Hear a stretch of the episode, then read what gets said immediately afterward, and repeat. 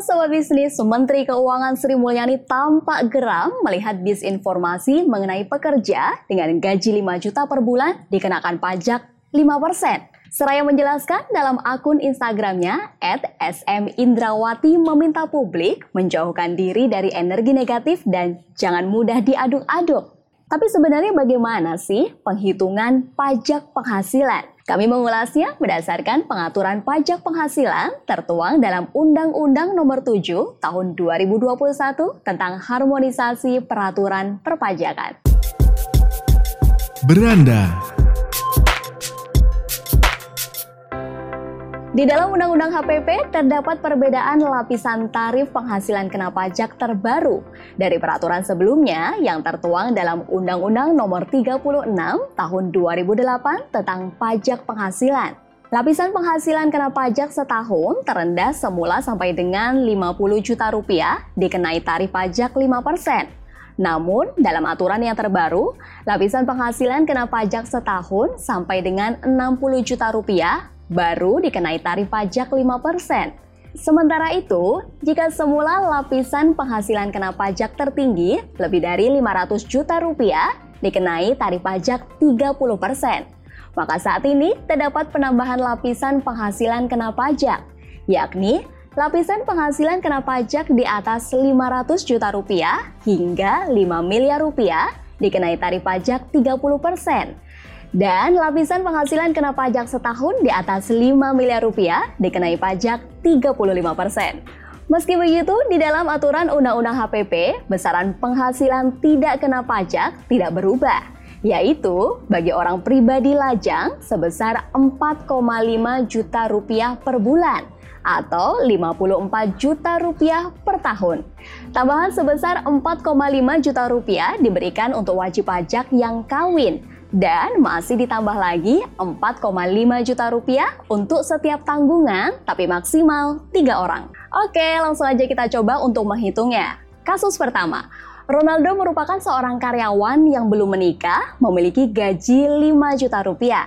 Dalam setahun berarti gaji Ronaldo adalah 60 juta rupiah. Gaji tersebut kemudian dikurangkan dengan PTKP sebesar 54 juta rupiah. Hasilnya 6 juta rupiah. 6 juta rupiah kemudian masuk dalam lapisan pertama penghasilan kena pajak dengan tarif 5%. Setelah kita kalikan, maka hasilnya 300 ribu rupiah. Jika kita bandingkan dengan aturan lama, maka total pajak terutang hasilnya sama. Meskipun lapisan penghasilan kena pajak telah dinaikkan menjadi 60 juta rupiah. Nah, hitungan dalam lapisan tarif ini sekaligus membuktikan bahwa tidak ada pajak baru dan tidak ada kenaikan tarif pajak untuk karyawan dalam aturan terbaru HPP. Oke, kita beralih ke kasus kedua. Marimar merupakan seorang karyawan yang belum menikah, memiliki gaji 10 juta rupiah. Dalam setahun berarti gaji Marimar adalah 120 juta rupiah. Gaji tersebut kemudian dikurangkan dengan PTKP sebesar 54 juta rupiah. Hasilnya 66 juta rupiah.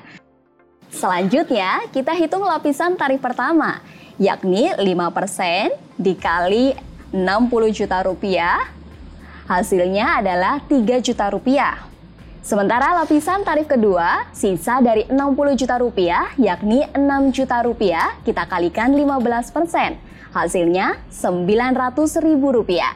Sehingga total pajak terutang Marimar yakni 3,9 juta rupiah.